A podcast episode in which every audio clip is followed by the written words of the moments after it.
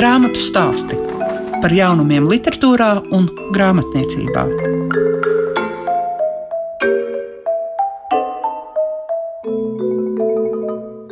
Esiet sveicināti visi tie, kas šobrīd klausās klasiku un klausās arī grāmatu stāstus. Es liegu piešiņu šodien vēstīšu par divām grāmatām.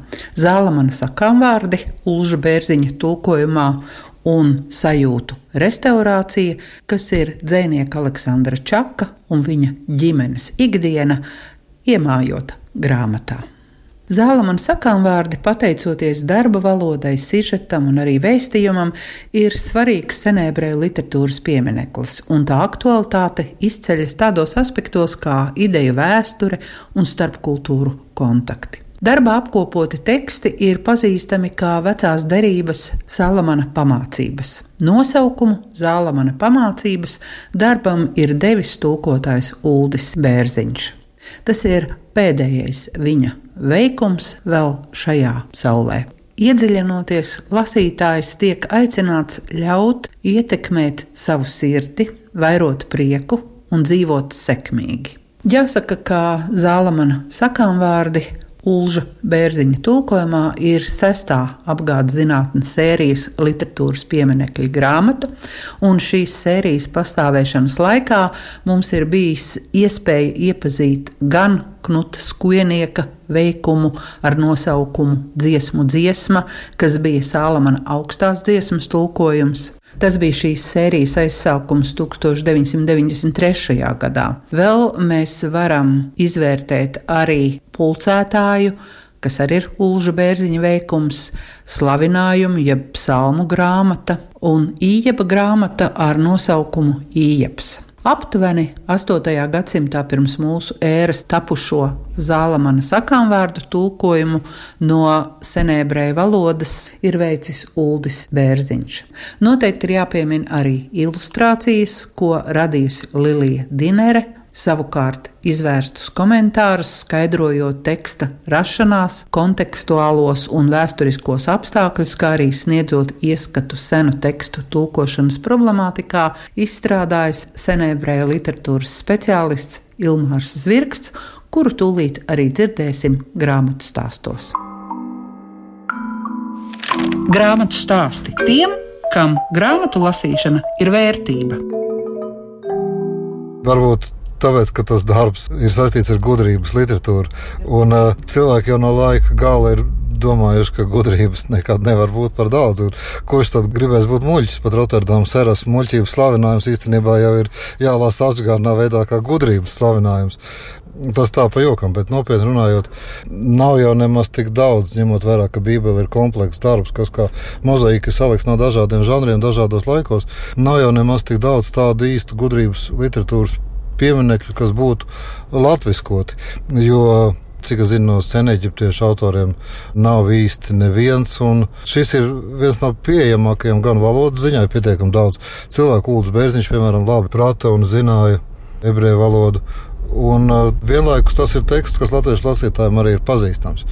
Un, uh, Daudz labāk ir, ja jau mēs runājam par senu, tuvu austrumu tekstu, daudz labāk ir lasītājiem piedāvāt lasīšanai un arī iepazīstināt ar to, kas jau ir pazīstams. Nevis iegrūst viņu ar aizcietām acīm, dīķī, tumšiem ūdeņiem, kur viņš neprot peldēt un vispār tur dzīvo briesmoņi. Un tā var izrādīties tādam cilvēkam, ka tā ir nevis gudrība, bet vispār nevar saprast, kas tas ir. Jūs pie šīs grāmatas strādājat, kas jums bija pašam interesantākais? Tur jau ir daudz stāstu. Parasti Ulus Bērziņa grāmatām ievadu rakstīja profesors Jēlis Veinbergs. Es ar profesoru Jēlu Veinbergu iepazinos ļoti sen. Tā kā viņš mums vēl padomu laikā, kad bija tāda komunāla projekta ēka brīvības ielā, tur atradās puslegāla mācību iestāde, kas saucās Brīvā ebreju universitāte. Es tur gāju klausīties lekcijas, kuras viņš lasīja, un man šķiet, Uldis arī tur sēdēja. Nelaiķis Vembergs norādīja, ka lūk, tur ir cilvēks, kas arī interesējās par ebreju literatūru. Tad tur jūs ar Ulu iepazināties? Man šķiet, ka jā. Es ne, nevaru galvot, tagad jau pagājis daudz laika, ir, un nevaru galvot, vai tieši tā bija. Man šķiet, ka tā bija. Un uh, tās lekcijas lielākoties bija veltītas ne politiskām lietām, bet tieši kultūras jautājumiem, literatūras jautājumiem. Un uh, tolaik jau daudz no maniem vienaudžiem, tādiem pusauģiem interesēja vairāk mūsdienu ivrīt literatūru un kas ar to un politiski jautājumi. Un brīžiem vien viss šī lieta šķiet diezgan garlaicīga. Bet tā kaut kā tas sākās. Un, uh, izvērties ir tas, ka visi tie tulki un autori un komentētāji jau ir uh, miruši un uh, nerāvos rakstīt šo komentāru. Kaut gan tādas idejas gan pats autors, gan profesors Jonas Vembergs man savulaik izteica, es to neņemu nekad nopietni. Es domāju, no viņa to koķetē vai izsaka komplimentus tādā veidā. Bet tā kā viss ir beigts, nu, diemžēl neatliek nekas cits, kā piesaisties un uh, to pārlasīt pašam un reflektēt kaut kā par to. Mēģināt vienlaikus darīt to tādā veidā, lai gan lasītājiem būtu vienkārši saprotams, gan nezaudējot kaut kādas akadēmiskas iezīmes. Vai jūs ar Ulu arī par to runājāt? Nu, jums iznāca tā viņa darba procesā satikties jā. un runāt, jā, kādas tās bija tās sarunas? Mēs esam diezgan daudz sēdējuši pie viena galda, man šķiet, gadiem. Un grūti izmērīt tieši no kura līdz kuram gadam, jo vispār ar skaitļiem es nezinu. Nav, varbūt nav labāk, nav, paš, nav arī naidīgas, bet nav arī tās labākās attiecības. Bet uh, mēs esam sēdējuši un daudz tīri tehniski rediģējuši kopā tekstus, pārlasījuši tekstus. Un, protams, ka strīdējušies par to, kam būtu jāpaliek vai kā tas būtu jālatvisko. Un uh, šis ir pilnībā mūža autodarbs, kur nav jaucies īsti neviens tāds redaktors, kas kaut ko tur sašķobīt vai izgrozīt. Un Uldim jau vienmēr ir tā īpašība uz tulkojumiem, ka tu lasi to tekstu un atver, vai tas būtu Korāna tulkojums, vai Ēda, vai Vecā Korkuda grāmata, vai kāds no ebreju bībeles tekstiem. Tu atverūžu tulkojumu un tu momentā redzi, ka tas irūžu bērziņu tulkojums. Tam ir gan pozitīvā puse, gan ir cilvēki, kam tas kaitina. Un uh, var redzēt, ko viņš cenšas paturēt. Piemēram, viņš cenšas iezīmēt jaunus ceļus, kā dot vietu veciem vārdiem, lai cik tas neizklausītos dīvaini. Un, uh, ļoti vienmēr bijis nobežījies par to, lai viens vai otrs vārds un izteiciens neiet zudumā un nenomirt. Tāpat arī vienlaikus apzinājies, ka šādu metodoloģiju var izraisīt ne tikai nepatiku, bet tev ir jāiegrožo sevi kā tulku, lai caur tavu tulkojumu runātu senais autors, lai dotu vārdu senajam autoram un pārstāvētu viņu mūsdienu pasaulē. Un tur, protams, ir ne tikai tulkošanas metodoloģija, vai tas, kā tu spēlējies ar valodu, vai tas, kā tu tulkošana neapšaubām arī ir māksla, un ka tu izpaudies kā mākslinieks. Tam visam ir nozīme, bet vienlaikus ir jāsaprot, ka bija šī jāpatur prātā lasītājs, ka nekad nedrīkst uzskatīt to lasītāju par muļķi.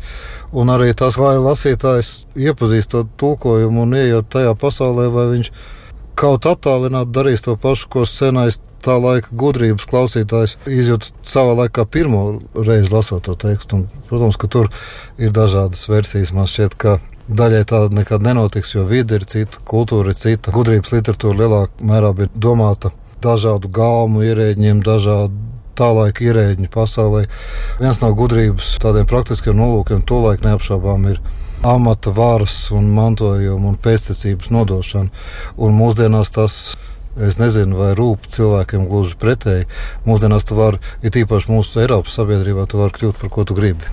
Nav svarīgi, kas ir bijuši mani vecāki, vai nav svarīgi, kas tu esi pats, kas būs tavs bērns. Un tam līdzīgi cilvēkiem maz rūp, ja viņš pats ir jurists, tad nevienmēr ir viņa vecāki bijuši juristi vai viņa bērni būs juristi. Pat nav pieņemts, ka tu kaut kādā veidā to pats sevi liekas un citus lauzīs un virzīs tādā veidā. Bet senajā pasaulē tas bija ļoti būtiski un joprojām tuvajos austrumos. Piemēram, var sastapt amatniekus, kuru senči jau kādās astoņās, deviņās, būtībā pat pirms islāma laikiem arābu valstīs ir darījuši vienu un to pašu darbu. Jūs raksturojot saku seno tekstu pētnieks. Cik ilgi jūs pats uz to gājāt, ka jums ir interesanti arī pētīt šos tekstus un par to, ka jūs godam nesat šādu apzīmējumu? Visu mūžu.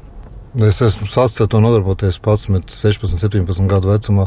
Un uh, studējis gan uh, ebreju valodu, gan arī zin, arābu, gan eģiptoloģiju un akādiešu Vācijā, tāpat arī šeit, universitātē, un darbojies ar tulkojumiem un komentēšanu. Un piedalījies neskaitāmās tekstuālās darbnīcās, Maskavā, pētniecības centrā Sefer, un pat tur strādājis ilgu laiku. 90. gadu beigās un 2000. tā saucamajos līdz pat vēlīniem desmitajiem gadiem. No kā jums ir jāatsakās, lai jūs tāds varētu būt? Īsnībā jau droši vien arī no tā, kā cilvēki šodien runā, arī ne? Es nemēģinu no kā atteikties.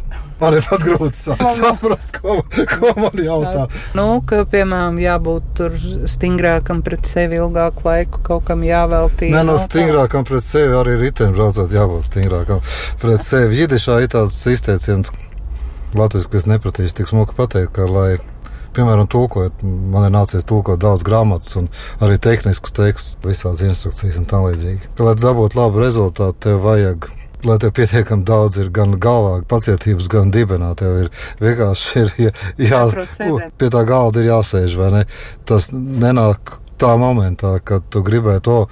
Es tagad iztulkošu šo nieka grāmatu, kas man te pēdējais lielākais darbs bija. Es neatceros, prostitūcijas encyklopēdija. Tas nav tā, ka no pirmdienas līdz trešdienai tur ir jāpasēž ilgāku laiku. Tāpat arī ar seniem tekstiem un vispār jebkuriem tekstiem. Ka vajag gan mēģināt sajēgt kaut ko, gan lai tos sajēgu dabūtu. Tas nav tā, ka es ļoti gribēšu, lai saprastu, ir arī jāpalasa, ko citi par to domājuši. Tā ir nepieciešama vienkārši pacietība, bet arī Es nekad to nebūtu darījis, ja man tas nebūtu paticis. Ir nepieciešama patika. Nav tā, ka es būtu kaut ko sev liedzis vai, vai žņaudzies un, nezinu, smieties aiz nagiem skrāpējies, lai tikai to lasītu. Nē, man ir paticis to lasīt, un ja nebūtu, tad es nekad nebūtu lasījis. Vispār cilvēkam nevajadzētu darīt to, kas nepatīk. Nekādā veidā.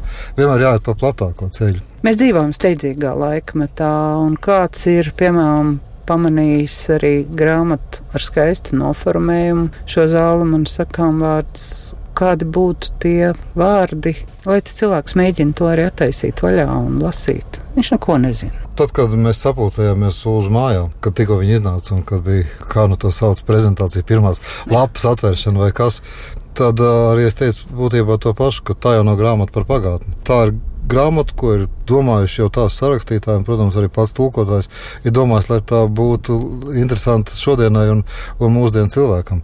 Tāpēc jau tā gudrība ir vispārēja un universāla lieta. Tāpēc arī to grāmatu izdeva nevis tikai tāpēc, ka ir skaists nosaukums, skaists vārks, ļoti prominents tulkotājs un tam līdzīgi labs papīrs arī cienījama izdevniecība. Tur ir visi tie faktori, par ko cilvēki mēdz priecāties, bet principā jau tam tekstam pašam ir vērtība un tā novazāt mēs teikt, ka tas ir ļoti aktuāls teksts. Neviens jau par sevi neteiks ka es tagad izdošu neaktuālu grāmatu. Mēdz pat teikt, un par ko daudz smējās, ka ir aktuālā dzēja, bet eh, ne, es jau neteiktu, ka ir neaktuālā.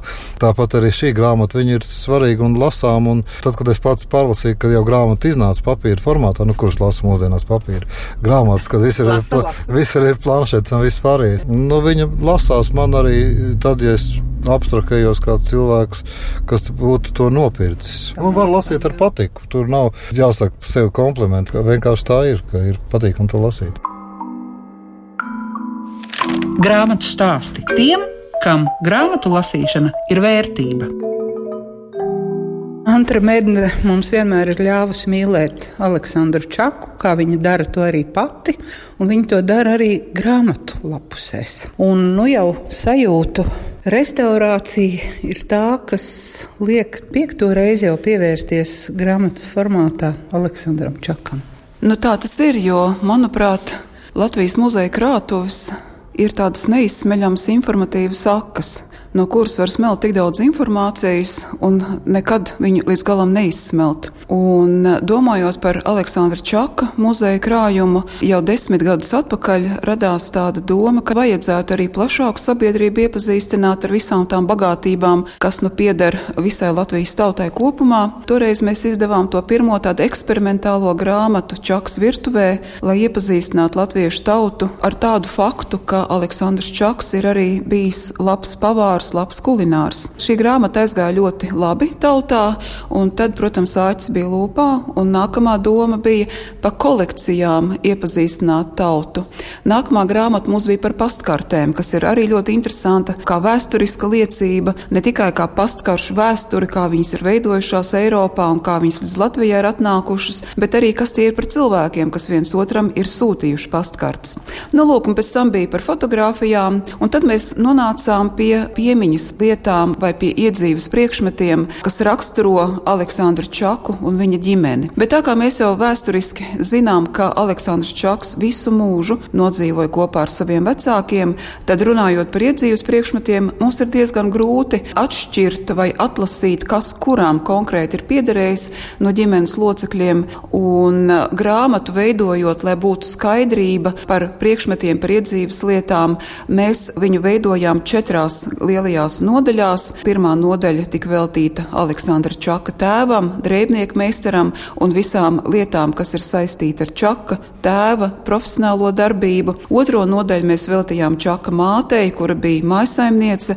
Teiksim, tā algotu darbu viņa nestrādāja, bet viņai pietiekoši daudz bija lietu, ko darīt arī mājās, un viņa bija arī rokdarbniece. Un līdz ar to no mātes mums krājumā ir saglabājušās arī brīnišķīgas tekstīlijas, izšuvumi. Viņa ir gan tamborējusi, gan adījusi, gan arī izšuvusi. Varbūt ne pārāk oriģināli šie galdauti un galda sedziņas, kuras ir saglabājušās, jo raksti ir ņemti no tā laika populāriem žurnāliem, no atpūtas, no mājas viesis. Zeltene parādās, tā kā tie ir tādi plašai publikai pazīstami raksti. Mums krājumā viņi ir būtiski ar to, ka tie ir Aleksandra Čaka mātes roku darbs, tad autentiski materiāli. Māte ir mīlējusi arī ļoti skaistus traukus, un cik nu rocība atļāva, viņa ir pirkusi arī skaistus vācu porcelāna krūzītes un apakštasītes, un noteikti ir bijuši to trauku vairāk. Nu, tas, kas līdz šodienai ir saglabājies, tas arī ir apskatāms grāmatā. Trešā nodaļa ir veltīta Aleksandra Čaka sievai, jo mēs zinām, ka Čaks tomēr vienreiz savā mūžā bija precējies, un viņa sieva bija Anna Ērika Elizabete Bērziņa, ar kur viņš stājās laulībā 1941. gada 18. oktobrī, un arī šogad mēs saistībā ar Čaku jubileju pieminēsim arī viņu 80. kāza jubileju. Anita viņa tika saukta ģimenē, tādā mīļvārdiņā, bet Anna nodarbojās arī ar rokdarbiem, un viņas rokdarbu prasmes arī ir apskatāmas grāmatā, viņas mīlestības vēstules, bet tas, kas mums no Annas ir palicis tas vērtīgākais, ir viņas recepšu klade, recepšu pieraksti, jo viņai arī patika gan kulinārija, gan pavāra māksla, un aizbraucot 44. gadā no Latvijas, viņu savu recepšu kladi atstāja Latvijā. Paldies viņai, protams, par to, jo mēs to varam arī lasīt, publicēt un arī izmantot. Un ceturtā nodaļa, protams, ir veltīta pašam Aleksandram Čakam. Bet jāsaka par piemiņas lietām, vai kā mēs viņu muzejā saucam par iedzīves priekšmetiem, mums nav skaidrs zināms, vai tās lietas, kuras šobrīd ir saglabātas, kuras ir muzeja krājumā, ir tās pašas vērtīgākās vai tās pašas mīļākās, kuras ģimenes locekļiem ir piederējušas. Varbūt tieši otrādi tā krūzīte nav lietota, un tieši tādēļ viņa vēl joprojām ir saglabājusies, jo tā mīļākā krūzīte visticamāk varbūt jau ir saplēsta. Un arī tās drēbes, kas ir palikušas drēbnieku meistara tēva šūtas drēbes, varbūt ir saglabājušās tādēļ, ka viņas vismazāk tikušas lietotas. Tādēļ arī šo grāmatu skatoties, lasot, pētot, ir jāņem vērā tā vēsturiskā distance un mazliet arī tā filozofiskā pieeja, vai tas, kas saglabājās ilgstoši, ir tas vērtīgākais, kas ir bijis ģimenes locekļiem tajā brīdī. Grāmatu mēs veidojām kopā ar brīnišķīgu mākslinieci, talantīgu mākslinieci Katrīnu Vasiljevsku. Sākot darbu pie grāmatas, tas galvenais uzstādījums mums bija, lai grāmata būtu skaista, lai viņa būtu mīļa, lai viņa būtu patīkami atvērt. Tekstu var izlasīt vienu reizi, ar to ir pietiekami, bet lai būtu vēlme arī pāršķirstīt un bildes skatīties vairākas reizes pēc kārtas. Un, manuprāt, mums kopā ar Katrīnu Vasiljevsku šī grāmata sajūta restaurācija par Aleksandra Čaka ģimenes iedzīves un sadzīves priekšmetiem ir sanākusi mīļa un skaista. Grāmatu stāsti tiem, kam grāmatu lasīšana ir vērtība. Izskan grāmatu stāsti. Šīs dienas raidījumā bija par zālamana sakām vārdiem un sajūtu restaurācijām, kas vēstīja par dzēnieka Aleksandra Čaka un viņa ģimenes ikdienu. Cerams, ka dzirdētais un lasītais ietekmē gan mūsu sirdis, gan vairo prieku un ļauj mums dzīvot sekmīgi. Visu labu jums saka Lieka Piešiņa.